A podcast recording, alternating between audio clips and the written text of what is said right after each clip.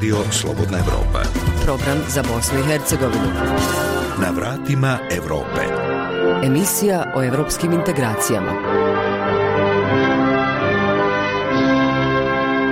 Srdačan pozdrav, poštovani slušalci, ja sam Gojko Veselinović i u narednih pola sata poslušajte sadržaje koje smo izdvojili za ovu emisiju.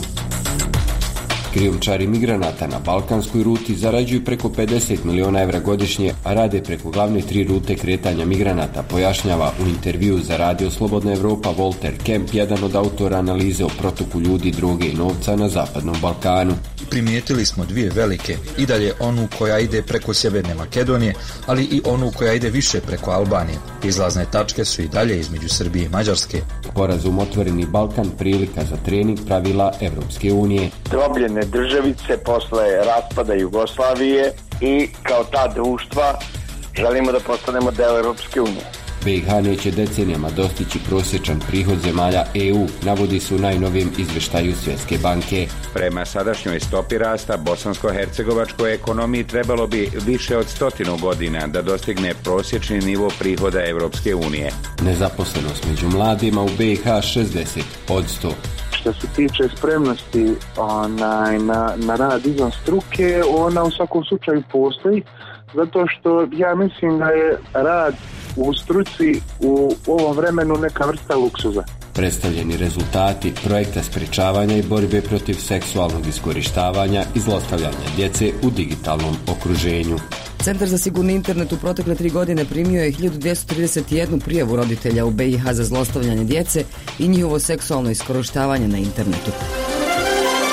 Na vratima Evrope. Vraćamo se najavljenim sadržajima. Zarada krijumčara migranata na balkanskoj ruti procjenjuje se na više od 50 miliona evra godišnje ocjenjuje za radio Slobodna Evropa Walter Kemp, jedan od autora analize o protoku ljudi, droge i novca na Zapadnom Balkanu. Analiza koju je radio za globalnu inicijativu protiv transnacionalnog organizovanog kriminala ukazuje na tri glavne rute za kretanje migranata na Zapadnom Balkanu, na granici Grčke i Sjeverne Makedonije te Albanije, a koje idu preko Srbije do Mađarske, te usko grlo u Unsko-Sanskom kantonu Bosni i Hercegovini, razgovarala Dženana Halimović. Gospodine Kemp, krijumčarenje migranata na Zapadnom Balkanu je posao koji se procjenjuje na oko 50 miliona eura godišnje. Napravili ste procjenu svakog koraka gdje ste pokazali šta krijumčari raznih profila imaju od toga, a ukazali ste i na tri velike krijumčarske zone. Koje su to i koliko novca među njima cirkuliše? Ono što smo primijetili je da je tokom posljednjih nekoliko godina veliki protok ljudi koji se kreće zapadnim Balkanom iz 2015. i 2016. godine pao, ali još uvijek više od 100.000 ljudi koji prolaze kroz zapadni Balkan svake godine. Ranije ruta išla iz Grčke u Sjevernu Makedoniju preko Srbiju u Mađarsku. Zatvaranjem granice između Mađarske i Srbije ljudi sada počinju da se kreću preko Bosne i Hercegovine. Ovaj smo trend primijetili 2017. i 2018. godine. Sjetite se da je 2015. oko pola miliona ljudi prošlo kroz Srbiju, kroz Sjevernu Makedoniju, a prema podacima Ujedinjenih nacija 133.000 ljudi je prošlo kroz Bosnu u 2015. godine. Danas je to 30.000 ljudi. U istraživanju smo gledali ulazne tačke na Zapadnom Balkanu i primijetili smo dvije velike, i dalje onu koja ide preko Sjeverne Makedonije, ali i onu koja ide više preko Albanije. Izlazne tačke su i dalje između Srbije i Mađarske, mada je to jako teško. Ljudi kopaju tunele ili pokušavaju ići preko Rumunije, pa onda u Mađarsku. I imamo usko grlo koje se nalazi u Unsko-Sanskom kantonu u Bosni i Hercegovini, gdje ljudi pokušavaju ući u Hrvatsku, ali im je jako teško da se probiju. Ono što smo vidjeli i što ste pomenuli sve u svemu, neka gruba procjena je da je ovo tržište vrijedno najmanje 50 miliona evra na ovim ulaznim i izlaznim tačkama. Vjerovatno i više, jer ljudi ulaze i izlaze i kroz druge rute također. Još smo primijetili da količina novca koja se uzme na ulaznim tačkama manje više je ista kao i ona na izlaznim. Dakle, oko 20 do 25 milijuna na jugu, te oko 20 do 25 milijuna na izlasku. Izvještaj definira razne vrste krijumčara koji su prisutni na Zapadnom Balkanu, opisujući ih kao fiksere, vratare i one koji nude cijeli paket. Svaki ima svoju ulogu i svoju cijenu.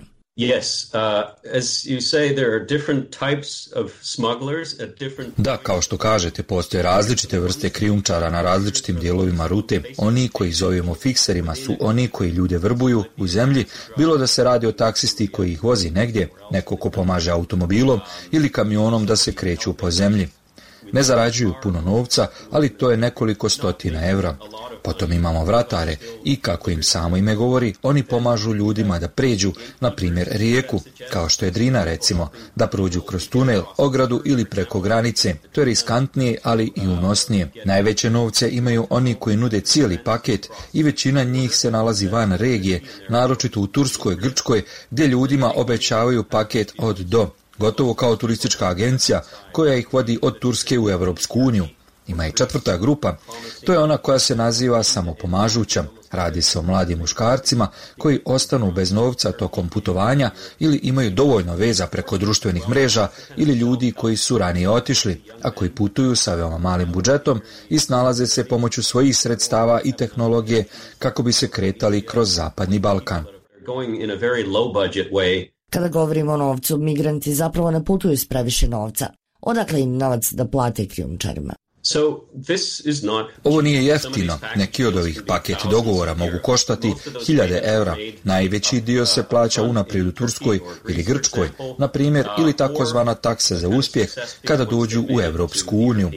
To se najčešće događa transferom novca.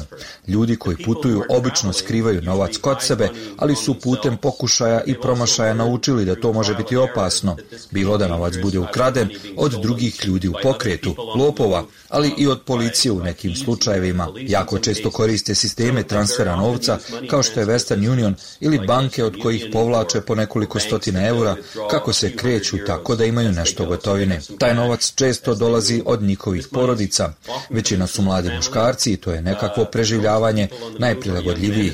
Novac dobiju ili od ušteđevine ili od ljudi u svojoj zajednici sa nadom da će uspjeti doći na zapad, a da će ostatak porodice možda moći doći kasnije.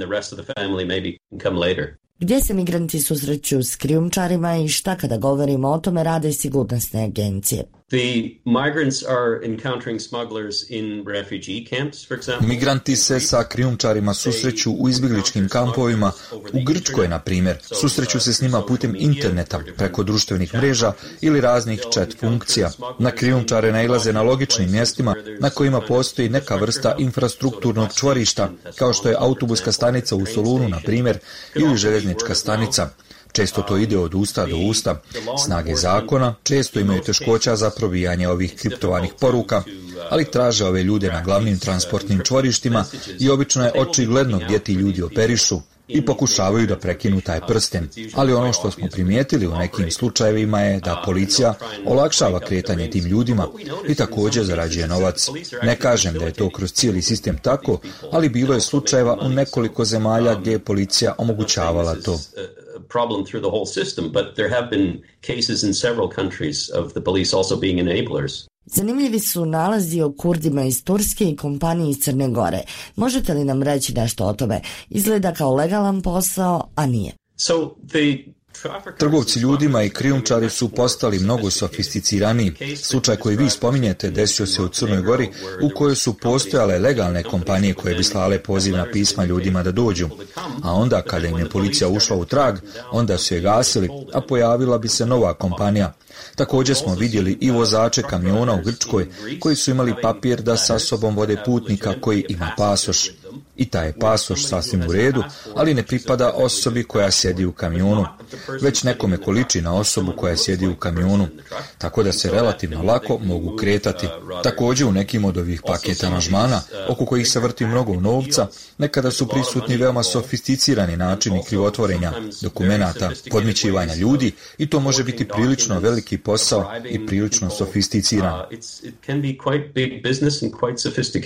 To također može biti opasno i po migrante. Yes, it can. It can be dangerous uh, Da, risk. može biti opasno i što se tiče rizika da budu vraćeni natrag. Može biti opasno ako dođu u kontakt sa, na primjer, električnim kablovima, ako su blizu šina, u nekim slučajevima.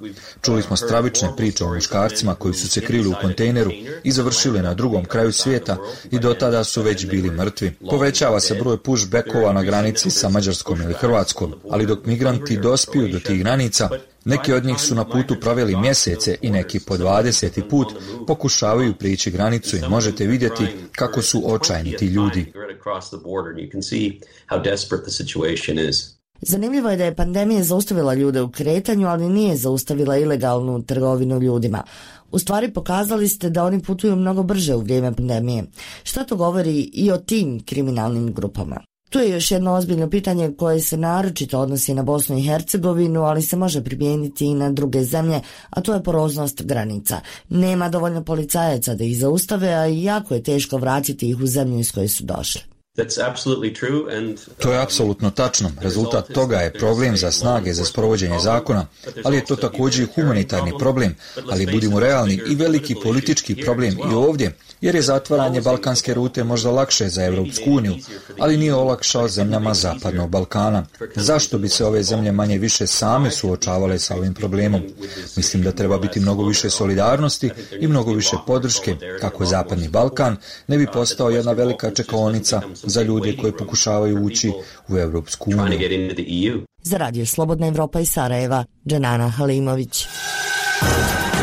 Emisiju Na vratima Europe možete i pročitati na našoj web stranici slobodnaevropa.org. Sporazum Otvoreni Balkan koji su u Skoplju potpisali predsjednik Srbije i premijeri Albanije i Sjeverne Makedonije po stupanju na snagu 1. januara 2023. omogućit će ukidanje graničnih kontrola između ovih zemalja, ali već sada nailazi kako na unutrašnje, tako i na regionalne otpore, pripremio Peđa Urošević. Inicijativa Otvoreni Balkan podrazumeva potpisivanje više sporazuma o slobodnom prometu robe. Tako su u Skoplju 29. jula u Severnoj Makedoniji potpisani sporazumi o saradnji na olakšanju uvoza, izvoza i kretanja robe na Zapadnom Balkanu, memorandum o razumevanju i saradnji u vezi sa slobodnim pristupom tržištu i sporazum o saradnji u zaštiti od katastrofa. Inicijativa nailazi i na osporavanja. U Prištini su na protestima ispred ambasade Albanije podsjetili na srpske zločine na Kosovu. U Severnoj Makedoniji opozicija Zajeva optužila da nudi otvoreni Balkan kao zamenu za Evropsku uniju, a u Srbiji najglasniji su bili iz opozicijonog i desno orijentisanog pokreta Dveri, rekavši da je takva inicijativa nedemokratska. Dveri Boško Obradović u izjavi za Radio Slobodna Evropa kaže da se inicijativi Otvoreni Balkan protivi jer se ona sprovodi bez referenduma. Što se tiče bivšeg mini Schengena, a sadašnjeg otvorenog Balkana, radi se pre svega o jednoj nedemokratskoj inicijativi od strane predsjednika Srbije Aleksandra Vučića, koji e, nikada tu svoju političku ideju integracija sa pre svega Albanijom, a u drugom koraku i Sever Makedonijom nije proverio na referendum, odnosno građani Srbije nikada nisu imali priliku da se izjasne da li žele tako blizak stepen integracija sa Albanijom i Severnom Makedonijom. Kako kaže Obradović, Srbija ima preče integracije od integracija sa Severnom Makedonijom i Albanijom. Mi iz Srpskog pokreta dveri smatramo da Srbija ima preče integracije od e, ovih i da bi trebala da se posveti nečemu što smo mi nazvali srpski mini Schengen, odnosno mnogo bližem stepenu saradnje i integracija sa Crnom Gorom i Republikom Srpskom, a u drugom koku mi nemamo ništa protiv da se taj onda e, proces proširuje i na e, kompletnu Bosnu i Hercegovinu, Severnu Makedoniju i eventualno druge zainteresovane na Balkanu. Dragan Šormaz, poslanik vladajuće Srpske napredne stranke u izjavi za Radio Slobodna Evropa ocenjuje da je za ceo region nakon raspada Jugoslavije neophodno ukrupnjavanje, pre svega tržišta. Drobljene državice posle raspada Jugoslavije, Albanija je također jedno novo tržište, jer ranije bila zatvorena država potpuno ko konzerva u vreme komunizma i kao ta društva želimo da postanemo deo Europske unije. Nismo naročito uspešni svi u tom, na tom putu ja nisam neko ko voli da kritikuje Europsku uniju, mada i oni su imali neki svojih problema zbog kojih nam je poslednjih godina svima uh, taj, taj put ovaj, uh, na neki način usporen, ali sve u svemu mi moramo da budemo bolji da bismo to uradili kako treba. Šormaz je na pitanje radija Slobodna Evropa da prokomentariše stav lidera opozicionog pokreta Dveri Boška Obradovića kako je za ovu inicijativu potrebno izaći na referendum, rekao da je to nepotrebno. Nikakav referendum nam nije potreban. Ovo je međunarodni sporazum na nivou ingerencija po ustavu vlade, znači skupštine, znači nema potrebe za referendumom, narod bira e, institucije da bi se bavila ovakvim poslovima, Tako da od toga Srbija može imati samo dobrog, ne može imati ništa lošeg, ali ovo ne može biti zamena za Europsku uniju. Sporezum Otvoreni Balkan predviđa postupno stvaranje tržišta sa 12 miliona ljudi, koliko tri zemlje imaju zajedno, odnosno stvaranje jedinstvene ekonomske zone. Ista ideja ranije je bila poznata kao mini Schengen ili mali Schengen, a prvi put je promovisana u javnosti 10. oktobra 2019. godine u Novom Sadu. Za Radio Slobodna Evropa iz Beograda Peđa Urošević. Radio Slobodna Evropa. Emisija o evropskim integracijama. Na vratima Evrope. U najnovijem izveštaju Svjetske banke u BiH koji je objavljen pod nazivom Ažurirana sistemska diagnostika zemlje, navodi se da su BiH potrebne decenije da bi dostigla prosječni prihod Evropske unije. Detalje iz izveštaja i mišljenja eksperata donosi Arnes Grbešić. Eksperti Svjetske banke naglašavaju da ekonomija Bosne i Hercegovine raste, ali i napominju da se ti procesi ne odvijaju dovoljno brzo kako bi se ostvario željeni životni standard. Odavno je to poznato građanima koji dijelom i zbog toga traže bolje zarade izvan granica Bosne i Hercegovine. Među njima je Alen Mahmutović koji je još prije sedam godina otišao u Sloveniju. Bolja plata će održati mlade ljude ovde, neće ga održati jako mala plata, pa se ni s tim ne može troškove pokriti osnovnog života. Tako da mislim da je najveći prioritet posao, firma, otvaranje novih radnih mjesta za početak. Politika je toliko prljava da su ljudi po 20-30 godina isti ljudi tu, svi glasaju za te iste ljude svake godine, svi hoće bolje, ali ne znam, da ne kažem plaćanja i druge stvari šta se ovde sve radi u doba izbora i takvih stvari, ali ja znam da je to jedan ogroman, ogroman utrošak novca u jako pogrešne stvari. Zastali smo, zako suočeni smo u sistemu u razvoju. Prema sadašnjoj stopi rasta, bosansko-hercegovačkoj ekonomiji trebalo bi više od stotinu godina da dostigne prosječni nivo prihoda Evropske unije. Ako bi se taj rast ubrzao i održavao na oko 5%, približavanje nivou evropskih prihoda, Bosna i Hercegovina bi ostvarila tek za tri decenije, navodi se u izvještaju.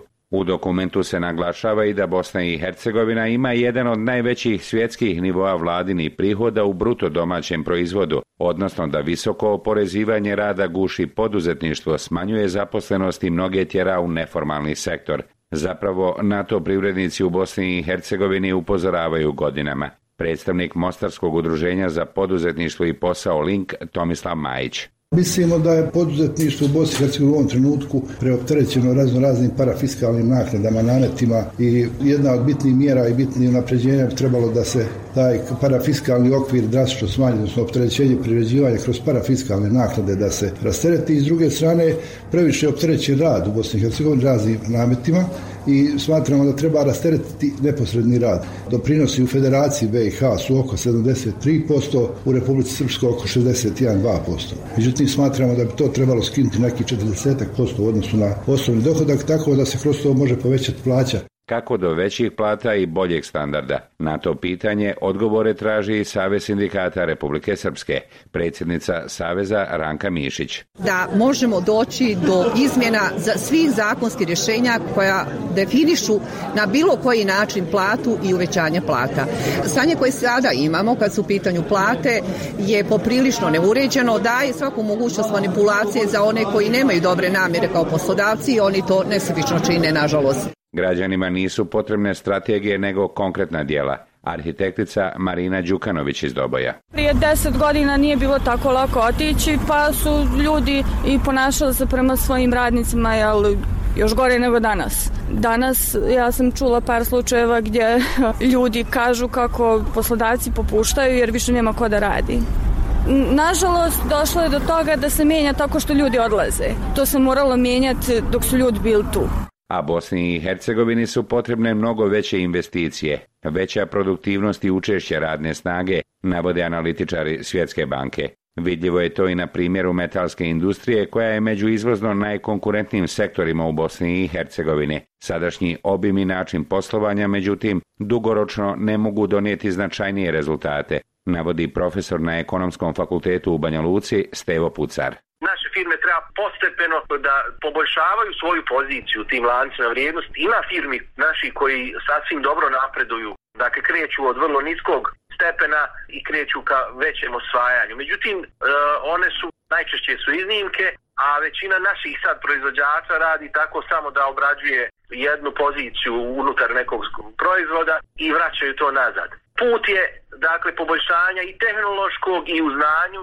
i, i, i radne snage i u znanju tehnologija da možemo osvojiti veći stepen proizvodnja, a time je onda i veća dodatna vrijednost a onda samim time i veće plate i veća mogućnost, veća mogućnost za povećanje životnog standarda. Svijetla tačka prema mišljenju eksperata Svjetske banke jeste bolje iskorištavanje prirodnih bogatstava, jer Bosna i Hercegovina posjeduje vrijedne resurse, počev od najočuvanijih šuma u Europi pa do plodne zemlje. Napominje se međutim da je i u ovim sektorima izvoz ograničen na proizvode male dodatne vrijednosti od sirovog drveta i neprerađenih poljoprivrednih proizvoda, kao i da su radna mjesta u poljoprivredi i šumarstvu često slabo plaćena, te da ne pružaju dugoročnu perspektivu. Ukazuje se i da je putna infrastruktura u Bosni i Hercegovini nedovoljno razvijena. Navodi se i da većina javnih preduzeća u energetici, rudarstvu, telekomunikacijama, transportu i komunalnim djelatnostima posluje sa gubitkom, te da njihovi dugovi trenutno iznose oko 4 milijarde eura.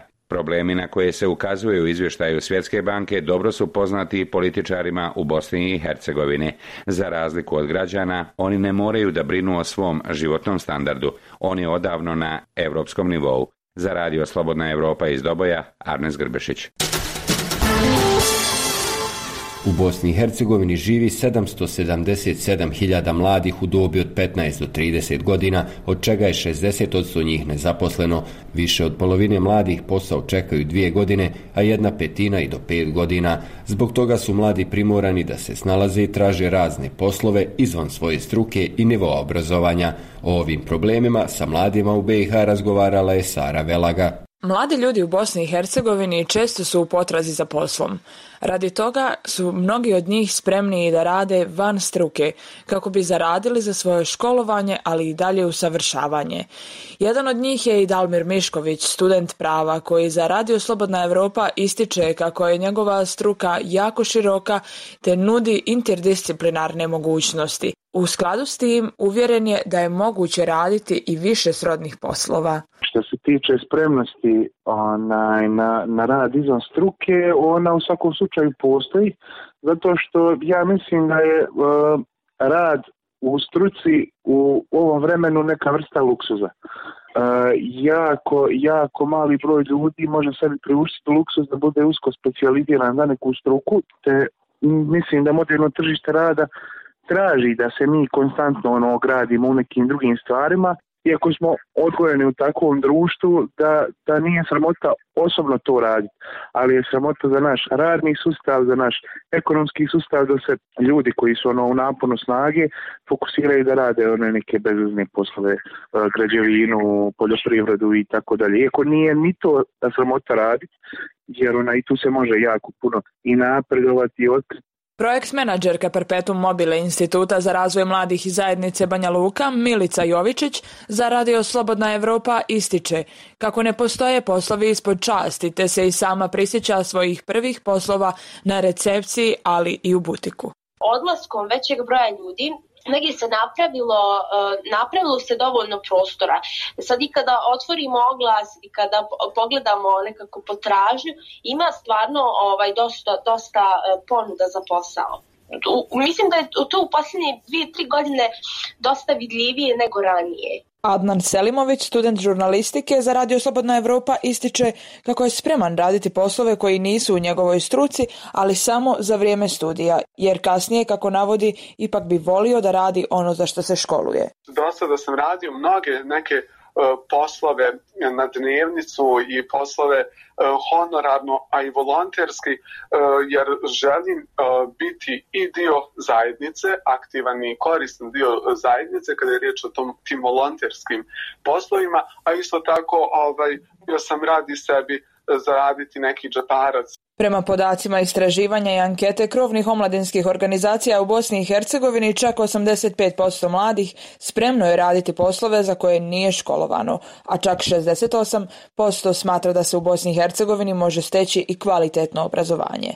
Za Radio Slobodna Evropa iz Jajca, Sara Velaga. Nakon trogodišnjeg rada predstavljeni su rezultati projekta čiji je cilj sprečavanje i borba protiv seksualnog iskorištavanja i zlostavljanja djece u digitalnom okruženju. O tome više u priči Lele Omeragićatić. Neki od najvažnijih rezultata projekta je, kako navode iz Emausa, osnivanje prvog centra za sigurni internet u Bosni i Hercegovini, sigurnodijete.ba, putem kojeg se prijavljuje neprimjeren sadržaj na internetu. Pokrenuta je i besplatna telefonska linija Helpline 0800 koja je na raspolaganju za djecu, roditelje i ostale građane za besplatnu podršku i savjet ukoliko su bili žrtve u nasilja u digitalnom okruženju. Centar za sigurni internet u protekle tri godine primio je 1231 prijavu roditelja u BiH za zlostavljanje zlostavljanje djece i njihovo seksualno iskorištavanje na internetu.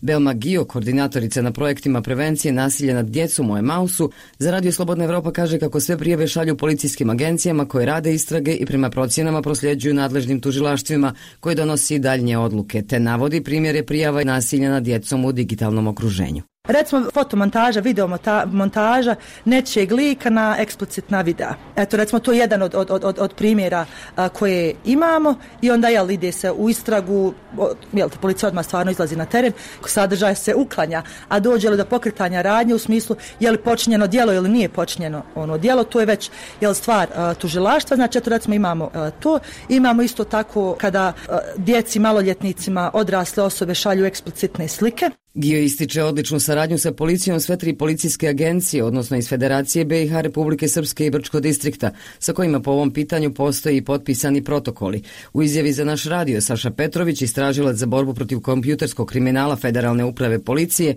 navodi neke podatke o istragama u toku trajanja ovog trogodišnjeg projekta. Uh, jedne su u fazi početne istrage, jedne su uh, u, u, u sredini, jedne su pred, kraj. Radi na tom istrage traju do dvije godine. A što se tiče žrtava, one su e, osigurane, odnosno obezbijeđeno da, da te žrtve ne pate dalje, a što se tiče istraga, to traje dvije godine, tu treba i dokazivanje i svašta. Dobro. Koliko je optužnica podignuto? Dvije, dvije, ono, kompletno da je, da je završeno, dvije, dvije optužnice su podignute i onda sada je suđenje, odnosno dokazivanje od strane tužioca. Petrović je dodao i to kako je važno istaći da djeca jesu u Bosni i Hercegovini zaštićena, da se u cijeloj državi policijski istražitelji koji se bave ovom problematikom kontinuirano usavršavaju, te da se neprestano ulaže u opremu i edukaciju. Abel Magio iz Emausa navodi kako je važna saradnja svih institucija i ustanova roditelja djece, te osvještavanja javnosti o ovoj problematici. Mislim da je to osvještavanje javnosti koliko je to važna tema i koliko to ne smijemo ni na koji način zanemariti. I da je to nešto, ja to kažem, kada je u pitanju nasilje nad djecom općenito, a pogotovo nasilje u digitalnom okruženju, znači to je sekunda. To je sekunda i nešto je na internetu. Jednom što je na internetu zauvijek je. Koliko je vrijeme važna i, na, i, i, i, neizbježna stvar i sa njom ne smijemo kockati. Znači moramo brzo djelovati, moramo brze korake poduzeti. E to je, a eto izazov nam je vrijeme. Treba napomenuti kako se ova oblast kaznenih dijela nasilja nad djecom i seksualno zlostavljanje u digitalnom okruženju reguliše krivičnim zakonima entiteta i Brčko distrikta. Kazna zatvore u zavisnosti od težine krivičnog dijela u Federaciji Bosne i Hercegovine novčana pa od jedne do pet godina zatvora kao i u Brčko distriktu, a u Republici Srpskoj od šest mjeseci do deset godina zatvora. Za Radio Slobodna Evropa i Sarajeva, Lejla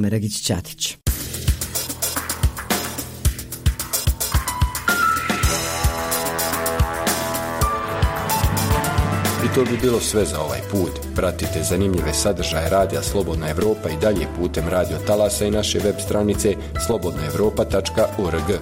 Podcaste za viri ispod površine glasom mladi i između redova, osim na web sajtu, možete naći na Facebooku i Twitteru, kao i na Spotify, Google podcastima i iTunesu. Pozdravljaju vas Svjetlana Petrović i Gojko Veselinović.